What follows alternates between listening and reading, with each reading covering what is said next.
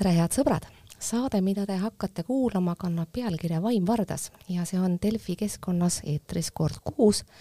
saatejuht on Vilja Kiisler, olen just jõudnud puhkuselt tagasi ja see on Vaim Vardas esimene editsioon pärast minu puhkust. ei tea, kas veel rääkida oskangi, kohe proovime järele.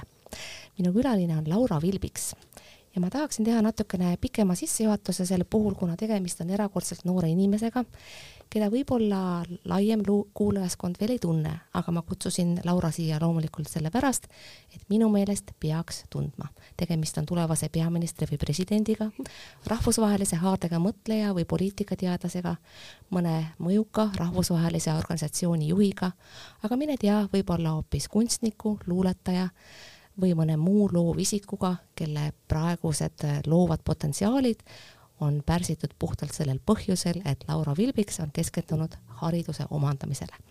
ta on filosoofia magistrant Belgias, nagu ta iseennast tutvustab, sagedane põline poliitikasõltlane ja viimati ka ise hakanud hobiteoloog. magistrikraadi ta peagi kaitseb ja selle magistritöö kirjutamise kvaliteedi parandamise nimel on ta pooleks aastaks võtnud endale aega olla Eestis ametniku leival, et selle kõrvalt siis kirjutada valmis magistritöö ja asuda doktorantuuri mõnes eeldatavasti Euroopa riigis. Laura Vilbiksi minu valitud moto seni välja öeldud statementide seast kõlab nõnda. parim ravim kurbuse vastu on haridus. su süda võib valutada kadunud armastuse pärast, aga millegi uue õppimine on asi, mida sa kunagi ei kahetse tegemist on ühe Eesti juhtiva Twitteriaaniga ja ühe erksama sotsiaalse närviga inimesega, tuleks ära märkida võib-olla ka sootundlikkust ja teadlikkust, kelle tema Laura Twitteri kontot ehib vikerkaarelipp. tegemist on maailmakodaniku ja erakordselt avarapilgulise noore inimesega, kes tunneb ennast kodus teemadel, millest meie siin Eestis tihtilugu veel kuulnud ei ole ja isegi kui oleme kuulnud, siis võib-olla ei saa veel aru. viimati seisis Laura selle eest, et tudengilinn Tartu saaks oma söökla, kus ka tudeng saaks normaalse summa eest oma kõhu täis süüa. Laura, ma annan lõpuks ometi selle pika sissejuhatuse lõpetuseks sõna sulle. kas midagi olulist jäi mul ütlemata? vist ei jäänud, aga põhjalik oli jah ja.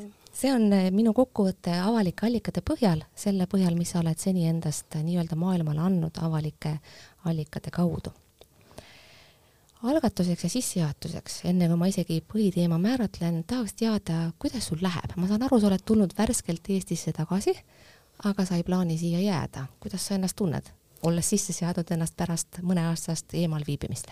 Äh, no ma olin ainult aasta ära Eestist, et tegelikult äh, see oli täpselt paras aeg minu arust, et praegu tunnen isegi igatsust äh, Eesti vastu ja Tallinn isegi meeldib, mis tavaliselt on natukene äh, kahetised tunded, aga, aga praegu on väga mõnus siin olla, taas elu keskel, saab kultuuriüritustel käia ja meeldib. see võib kiiresti üle minna? võib-olla, eks ma tulevikus tahaks võib-olla välismaal veel õppida, aga hetkel on plaan siin olla natuke aega. kas oma doktorantuuri plaanide peale mõeldes pead e-, endiselt silmas politoloogiat ja filosoofiat või on sul plaanis suunda vahetada? Mulle meeldib jah, selline ala, eh, selline erinevate distsipliinide vaheala, et kus on natuke filosoofiat, võib-olla antropoloogiat, eh, poliitikafilosoofia on mulle alati meeldinud ja nüüd on tulnud ka keskkonnateema, eh, mida ma tahaks tulevikus veel rohkem teha, sest minu arust noh, keskkonna, kliimakriis on ikkagi peamine probleem inimkonna tulevikus. et see on hästi oluline kliima on üks neid keskseid teemasid, millega ma täna sinuga mõtteid vahetades tahaksin jõuda aga ma alustaksin sellest, mis äh, on mulle võib-olla endale natukene tuttavam ja võib-olla erutab isegi pisut rohkem.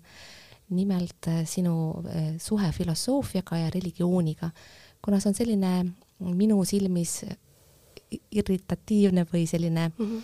irriteeriv kombinatsioon.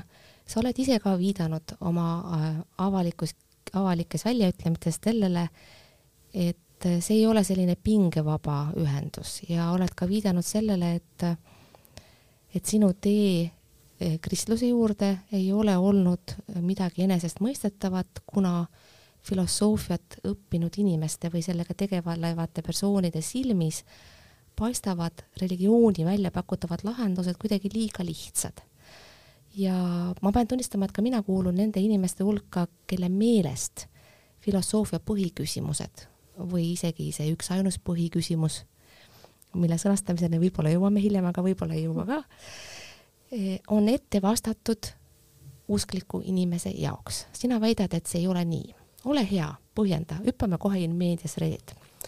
no ja te võib-olla peale vaadates pealiskaudselt võib niisugune mulje jääda, aga tegelikult ju ajalooliselt need on väga seotud distsipliinid olnud, üks on teisest välja kasvanud, nad on alati olnud mõlemad äh, sellised ülikooli põhilised äh, distsipliinid humanitaarteadustes, et ja ka tegelikult teoloogia, eriti akadeemiline teoloogia on minu arust hästi värvikirev, et seal kindlasti ei ole seda, et, et oleks mingid ette antud vastused, mis vastaks kõik filosoofia küsimused ära, vaid on palju debatti, samamoodi nagu filosoofiaski, on palju kahtlemist ja küsimusi ja ja see mind just huvitabki, see akadeemilisem pool, mis on minu arust noh, sarnane filosoofiale. Ja oleneb ju ka autorist ja lähenemisest, mis valida täpselt, et mulle meeldivad pigem need lähenemised, mis ütlevad, et, et pole olemas mingit ette antud dogmasid, vaid iga inimene peaks ise siis äh, leidma oma lähenemise ja selle aluseks on suhe Jumalaga, aga sinu sinu isiklik lähenemine või ka see religioon, religioosne distsipliin, mille sa valid, et see on, see, see ikkagi tuleneb mingisugusest äh, intellektuaalsest äh, kahtlusest, debatist äh,, läbimõtlemisest enda jaoks, võiks vähemalt, ideaalis. tõepoolest, kuid samas on ju teatav pinge ka teoloogia kui teaduse ja praktiseeriva uskliku põhiliste hoiakute vahel. sina oled need kaks omakorda ka enda jaoks ühendanud, sa ei ole teinud saladust sellest, et sa oled leidnud personaalse usu, sul on Jumalaga oma isiklik suhe ja samas äh, tunned sa huvi teoloogia, siis ka filosoofia vastu. et kui ma tohin muutuda natuke isiklikuks, sa ei pruugi sellega kaasa tulla, kuidas see, kuidas Jumal sinu ellu tuli, kuidas see juhtus? mul oli kaks peamist mõjutajat, üks oli vestlused mu sõpradega, kes on paar, paar mu parimat sõpra on kristlased.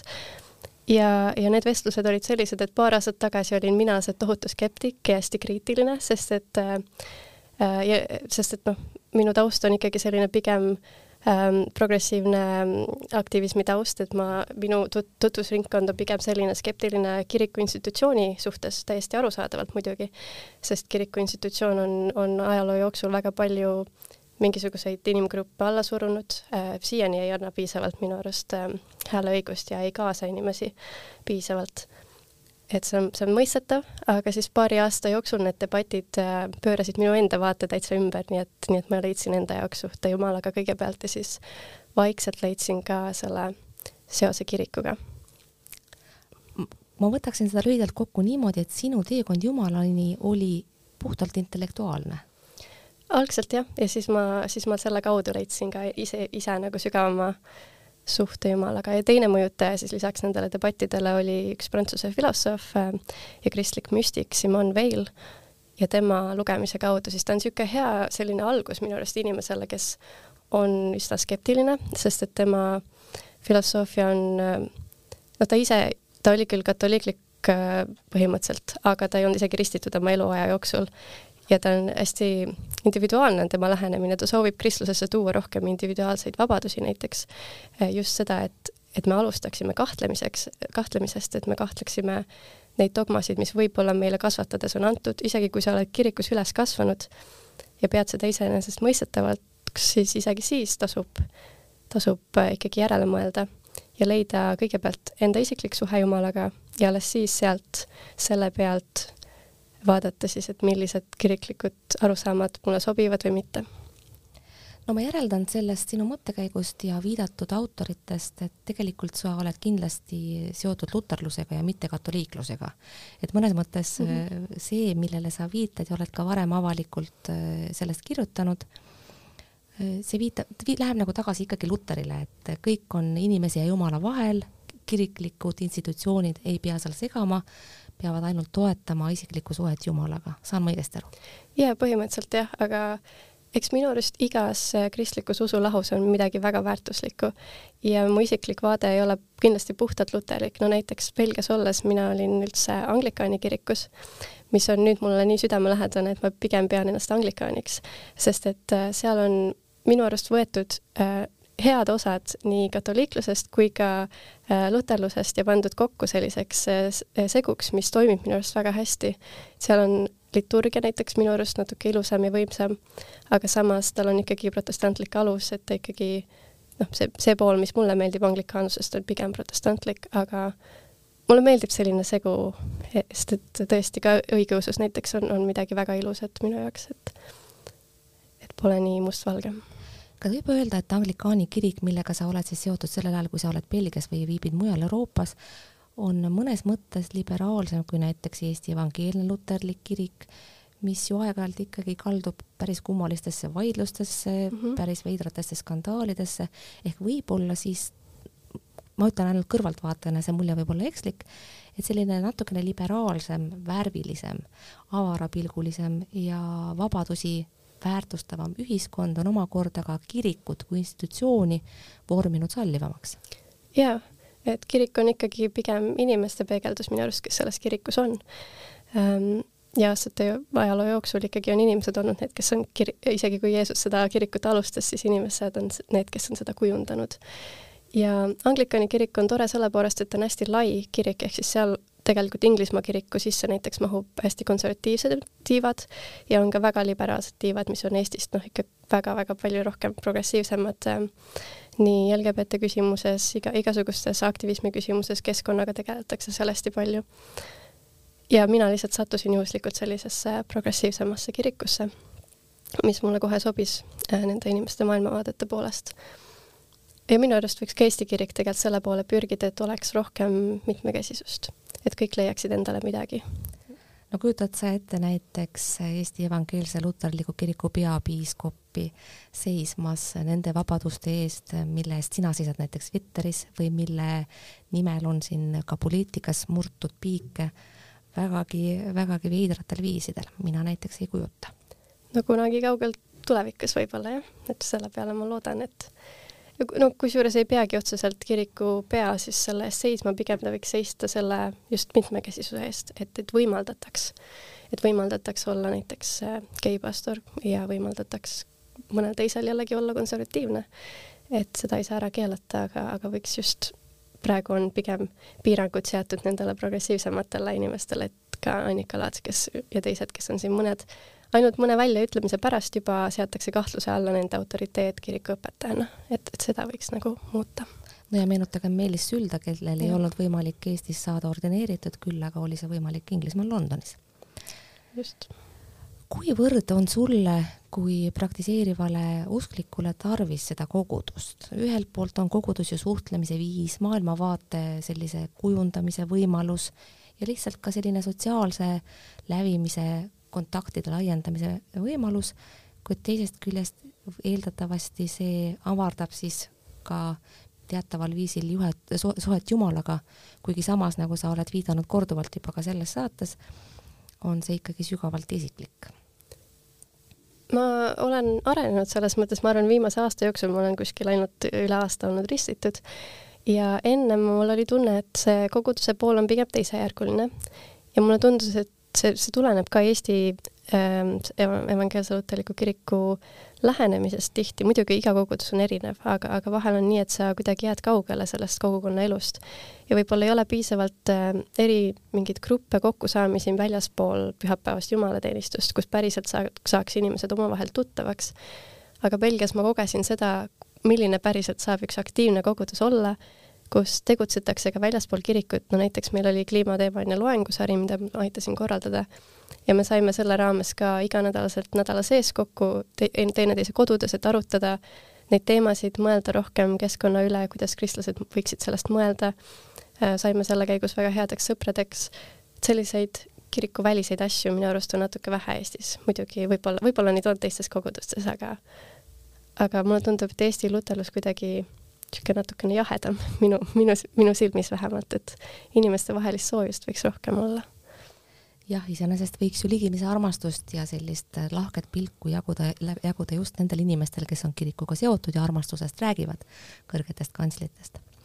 missuguse pilguga oled sa vaadanud Eesti õige, kahe õigeusu kiriku omavahelist hõõrumist, mis on otsapidi jõudnud ka meediasse ja eelkõige siis leidnud väljenduse Orenti kampuse munkpreestri väljaheitmisega Eesti Apostlik õigeuskliku, õigeuskliku kiriku ridadest teatavate väljaütlemiste pärast, millega ta siis, mille käigus ta kritiseeris mäletatavasti Moskva patriarhaadi äh, alluvusse kuuluvat õigeusklikku kirikut, mis Eestis samuti tegutseb ja millel on aktiivseid liikmeid nii eesti kui ka venekeelsete kõnelejate hulgas minu arust see munklus ei peaks olema kuidagi vastuolus sellega, et sa võtad avalikult sõna sellistel olulistel teemadel, eriti sellistel teemadel, millel on kristlusel, kristluse ees üsna selge seisukoht.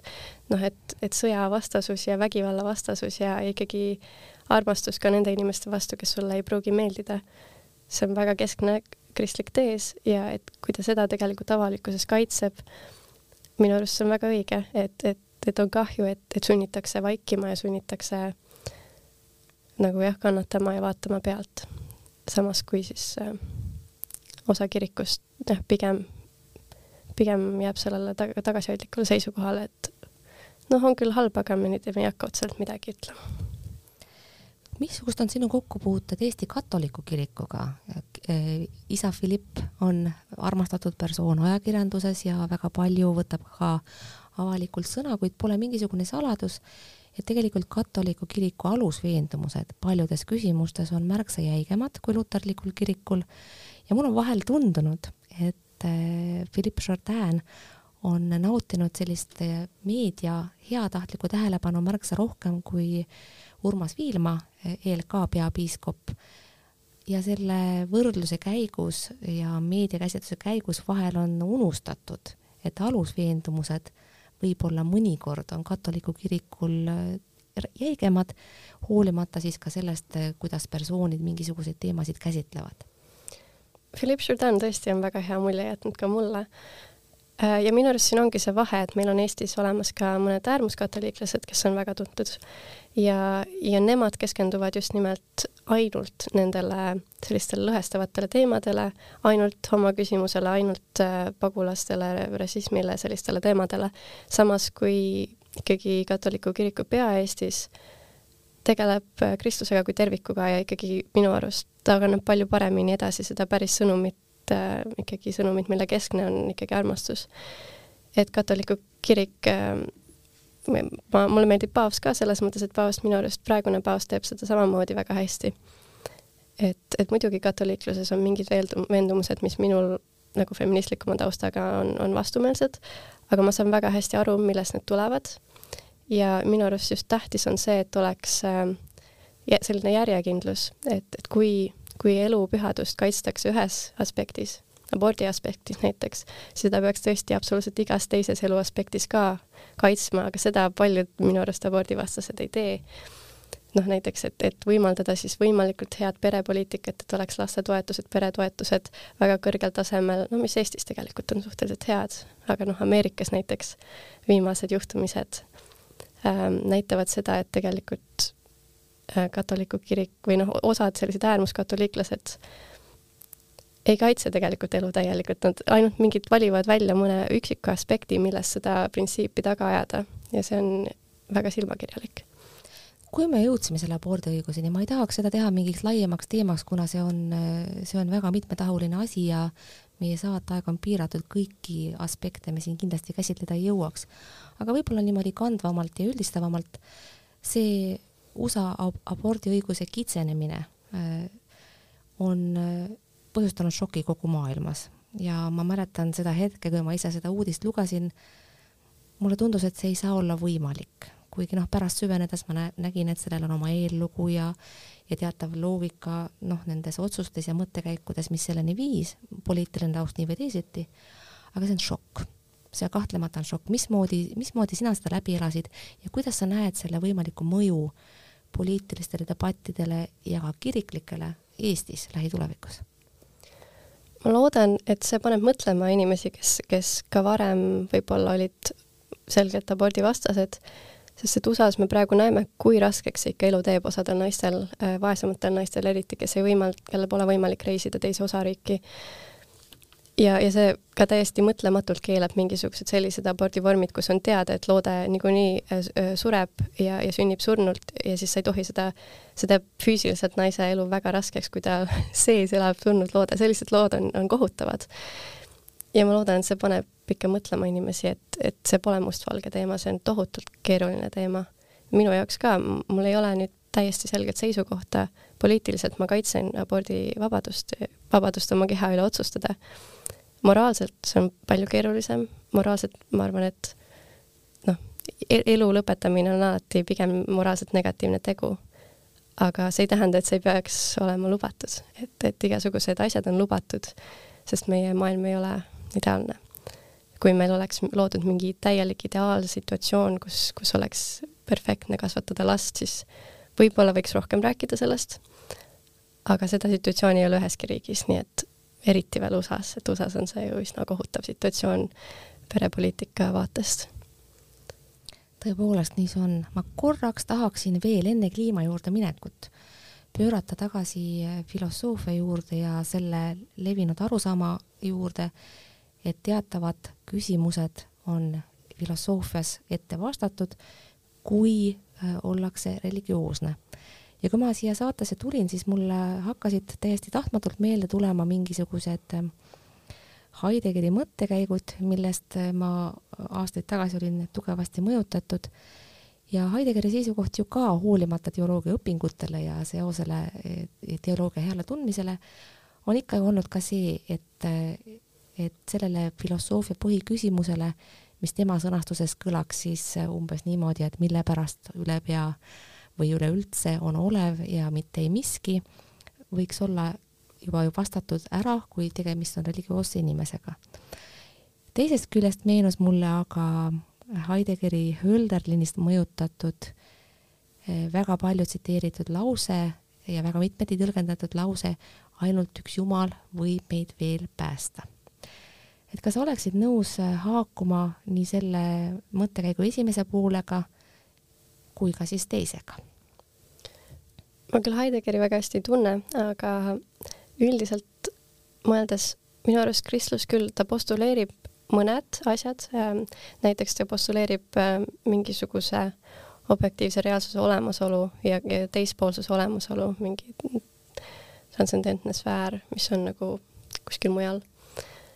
aga see, milline see täpselt on ja milline suhe on sellel siis meie reaalsusega siin, minu arust see on, selle kohta on väga palju erinevaid teoloogilisi seisukohti ja selle üle käivad paljud debatid, et, et tegelikult jah, see, see pole nii kindel, et selle üle saab arutada, äh, noh, kas või näiteks kolmainsuse olemus ja sellised kristlikud äh, asjad ähm,.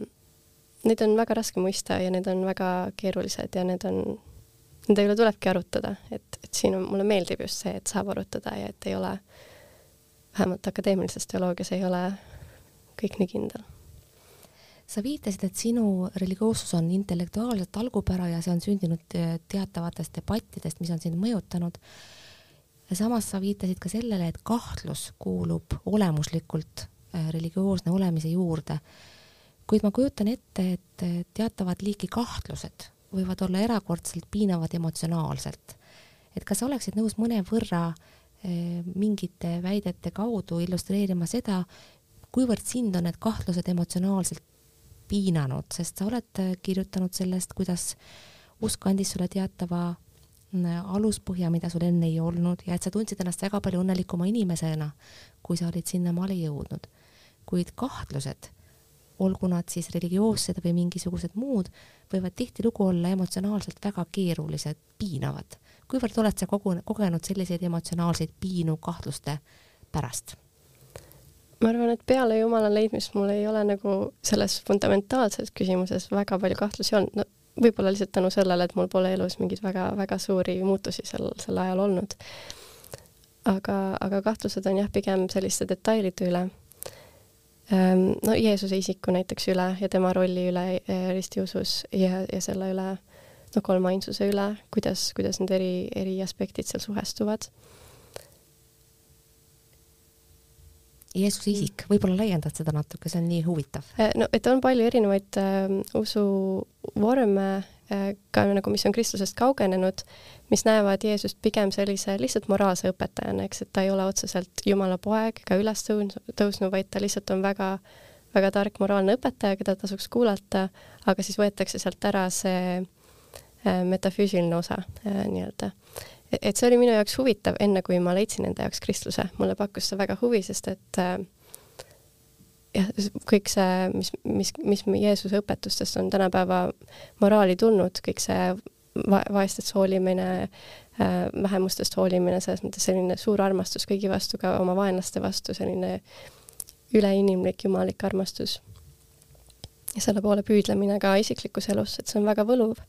Ma arvan ka inimesele, kes pole religioosne ja, ja tegelikult ma pole kuidagi selle vastu, ma arvan, et isegi kristlased võiksid julgustada seda Jeesuse õpetust äh, ka religiooniväliselt nii-öelda. on, isegi olemas sellised liikumised nagu, mida kutsutakse mittereligioosseks kristluseks näiteks, äh, mis siis püüavad nagu sellise Nietzscheliku jumala surma ähm, järgselt siis mõtestada kristlust, et kuidas me peaksime rääkima kristlusest tänapäeva ilmalikus maailmas ja minu arust see on hästi oluline just, just seda mõelda. sest me ei ole samas kohas, nagu oli varem, kus kogu, kogu ühiskond põhines ikkagi kristlikul alusel. ja oli nagu aluseeldus, et muidugi, muidugi on Jumal olemas ja muidugi me oleme kristlased. et tulebki läheneda teistmoodi ja minu arust võib olla väga kasulik õpetada just seda Jeesuse õpetust, alustada sellest õpetusest ja mitte, mitte suruda peale seda kogu kupatust nii-öelda, seda metafüüsilist pilti, kuidas kõik omavahel suhestub ja sa oled öelnud, et kõige kesksem mõiste sinu jaoks kristluses ja religioonis üldse laiemalt on armastus. aga armastus on selline sõna, mõiste, mida kõik mõistavad erinevalt ja arvatavasti see on ka teataval viisil ühiskondlikult alati kuidagi motiveeritud, kuidas sellest aru saadakse. kas oleksid nõus natukene selgitama, kuidas sina seda mõtled või, või jällegi siis teisest küljest ka, mida see sulle isiklikult tähendab? ega ma ei oska küll armastuse mõistet siin defineerima hakata, aga aga no Jeesuse põhikäsk, kui, kui ta võtab kokku, mis on tema õpetus, siis on see, et armasta oma ligimest ja armasta Jumalat ja see on siis minu jaoks kristluse kese ja noh, ka Jeesuse jaoks. ja see armastus minu jaoks, noh, kuna tema on Jumala poeg ja see on jumalik armastus, mis tegelikult inimesel on sellist totaalset armastust, ma arvan, üsna raske saavutada, aga kogu mõte minu jaoks ongi see, et selle poole püü-, püüelda, vähemalt püüda püü,, püüelda selle poole. näiteks praegusel ajal, kui meil on sõda, on hästi raske mõelda sellele aspektile, sellele vaenlaste armastamise aspektile. et, et kristlus kutsub meid üles mitte ainult armastama oma sõpra, mis on lihtne, vaid armastama ka oma vaenlast. koguni pöörama teist põske ette, kui lüüakse. et selline vägivallatus ja allumine või, või pigem jah, andestamine, isegi kui, kui ei ole põhjust andestada ähm,. no oleneb, oleneb situatsioonist, aga üld, üldiselt selline printsiip, ma arvan, ta nõuab tohutult äh, pingutust inimeses ja ma arvan, täielikult me ei jõuagi selle sellele jumalikule tasemele, et tõesti kõiki maailma inimesi armastada. aga ma arvan, see on väga vajalik õpetus. sõja ajal on see tõepoolest erakordselt keeruline sa viitasid äh, Jeesuse sõnadele armasta oma ligimest nagu iseennast ja see võiks olla ka see punkt, mille kaudu me jõuame kliimaküsimusteni. sest sa oled äh, Müürilehes kirjutanud väga toredasti sellest, kuidas äh, kristlikud noored ja miks, miks mitte, miks mitte ka vanemad inimesed, kes on kliimaküsimustest teadlikumad, võiksid palju rohkem keskkonna hoidmise, kaitsmise ja selle jätkusuutlikkuse tagamisega tegeleda, mulle ei meenu mitte üleüldsegi, et Eestis oleks see peaaegu te üldsegi teemaks olnud. mul, sa oled tegelikult esimene minu silmis, kes sellest kirjutas. see tundub Eestis liiga uus, mulle ei meenu äh, ühtegi sellist kristliku taustaga inimese sõnavõttu. et sa viit-, sa viitasid siis ka nagu sellele, et võiks seda ligimest mõista justkui laiemalt, et ligimeste hulka võiksid kuuluda loomad, taimed, keskkond laiemalt. kuidas sa seda mõtlesid? No tegelikult Eestis mõned sõnavõtud on olnud, aga äh, noh, näiteks Helle Liht, selline baptisti taustaga ähm, teoloog, kes on mõelnud selle üle äh, ja on ka selline Eesti Kirikute Nõukogu teinud teema aastaid niisuguseid väikseid asju, aga võrreldes äh, mõne teise riigi kirikutega, kus on see ikka võetud keskseks teemaks, siis ja mul on kahju, et Eestis ei tegeleta sellega. kuidas see võiks käia, mida saaks teha? Ja ma toongi seal artiklis välja siis erinevad noh, mõned sellised väga lihtsad maised asjad nagu äh, kirikuhoone elektrikasutuse vähendamine, kõik soojustus, kõik sellised aspektid. aga sellest olulisem on minu arust rääkida just sellest globaalsest aspektist. et äh, võib-olla Eestis on rohkem loodushoid saanud sellise tähenduse, et me hoolime oma kodumetsast näiteks, hoolime Eesti äh, Äh, loodusest, selline natuke natsionalistlikum perspektiiv. aga tegelikult kliimakriis on globaalne asi, mis kõige enam mõjutab inimesi, kes ei ole Eestis. et ta mõjutab globaalse lõuna elanikke. ja meie Eestis kui siis selle lääneriikide ähm, ühed esindajad, äh, kui me mõistame seda, et meie tarbimine otseselt mõjutab teisi inimesi maailmas, kes selle tõttu kannatavad, me peaksime oma tarbimist vähendama siis see on minu arust väga tugevalt kristlik küsimus, sest et kristlus ju ei ole, ei hooli ainult Eesti inimestest, ta hoolib tervest inimkonnast ja, ja just need ligimesed peaksidki olema kõik inimesed.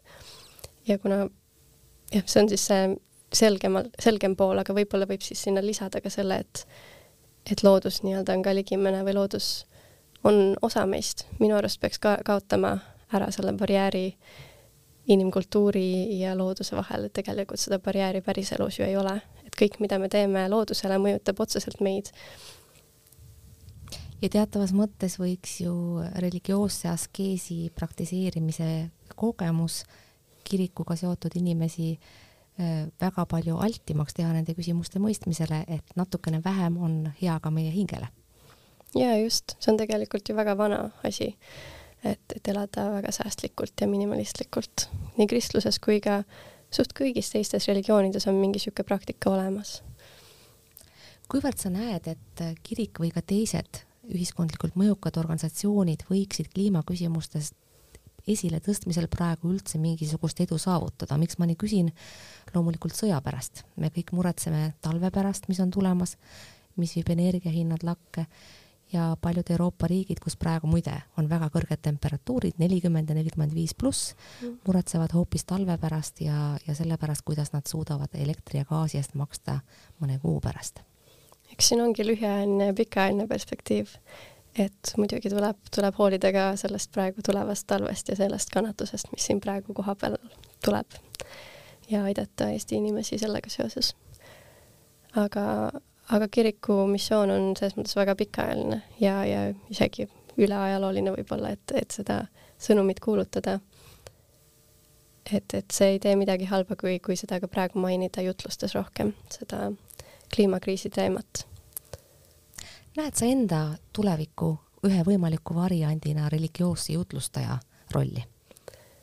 see praegusel hetkel mul plaanis ei ole, aga eks kunagi ei tea, kuhu elu võib viia missuguseid äh, väljundeid sa näed tulevikus oma poliitiliste või politoloogilistele teadmistele? kas sa tahaksid neid realiseerida praktilises poliitikas või sa tunned, et sul, äh, sinu jaoks on lähedasem ja ja kuidagi loomukohasem jääda vaatlema teatavalt kõrval või siis kõrgemalt positsioonilt, luues üldistusi, selgitusi, definitsioone ja nii edasi? eks vaatleja positsioon on alati mugavam selles mõttes, et saab kritiseerida kõiki osapooli et ma tunnen oma tuttavate seas, kes on mõne, mõne erakonna liikmed, et need tihti tahaks väga tegelikult kritiseerida ka mingit oma erakonna asja, mis tehti valesti, aga no ega avalikkuses väga ei saa. et ähm, ega samamoodi ma, ma ei tea, mis tulevik toob, aga hetkel mulle meeldib rohkem, jah. sind ei ole mõne erakonnaga liituma kutsutud, valimised on juba kevadel, uusi nägusid on alati tarvis? ikka on jah, aga hetkel pole nagu seda impulssi minus endas. arusaadav Laura Pilviks, ma olen sulle kogu südamest tänulik selle jutuajamise eest, aga lõpetuseks tahaksin ma veel küsida, et kuidas on ikkagi luuletustega, kuidas on lauludega? mulle on väga südamesse läinud üks sinu esitus Triin Soometsa teksti peale tehtud äh, laulust ja see on mulle, mulle meeldis see väga. kes tahab, leiab selle kergesti SoundCloudist üles ja võib-olla veel mõned teisedki laulud. aga, aga kuidas on tekstide loomisega praegu ise laulude esitamisega. sa viitad äh, selles Värske Rõhu päevikus, et et õpingud võtavad ära sellise tühja aja, mis on luuletuste kirjutamiseks tarvilik ja arvatavasti kehtib see ka laulude loomise kohta. millal me saame lugeda uusi luuletusi, kuulda uusi laule. millalgi ikka, ma arvan. Äh, võib-olla see polegi nii palju õpingud, vaid see on lihtsalt niisugune elurütm, et tuleb ise, ise ikkagi luua endale aega selleks, kui, kui tahad luua ja ma olen kuidagi kaugenenud sellest, et võib-olla probleem on ka see, et ise ikkagi loen vähe ilukirjandust, et see minu arust selleks, et kirjutada head ilukirjandust, tuleks lugeda ilukirjandust, selleks, et head luulet kirjutada, tuleks lugeda luulet rohkem. et, et paljud niisugused noored luuletajad kipuvad ise ainult kirjutama ja mitte midagi lugema. see on ka ilmselt vahepeal minu probleem, et tasuks olla rohkem kursis ja siis tekib ka sellised mõtteid endas, et millele vastata, millega suhestuda kirjanduses ole südamest tänatud, head sõbrad, te kuulsite täna rääkimas Laura Vilbiksit, soovitan teil selle nime meelde jätta, sest juba viie või kümne aasta pärast kuulate tema nime mingites sellistes kontekstides, mis on vägagi mõjukad ja vägagi mõjuvõimsad. niisiis, olge tänatud kuulamast, saatejuht oli Vilja Kiisler ja järgmine Vaim Vardas, ühiskondlikult aktiivse noodiga saade Delfi veebikeskkonnas, on eetris juba jälle kuu aja pärast, saatekülaline on siis muidugi teine saatejuht, aga loodetavasti ikka veel sama. aitäh, kuulmiseni ja nägemiseni!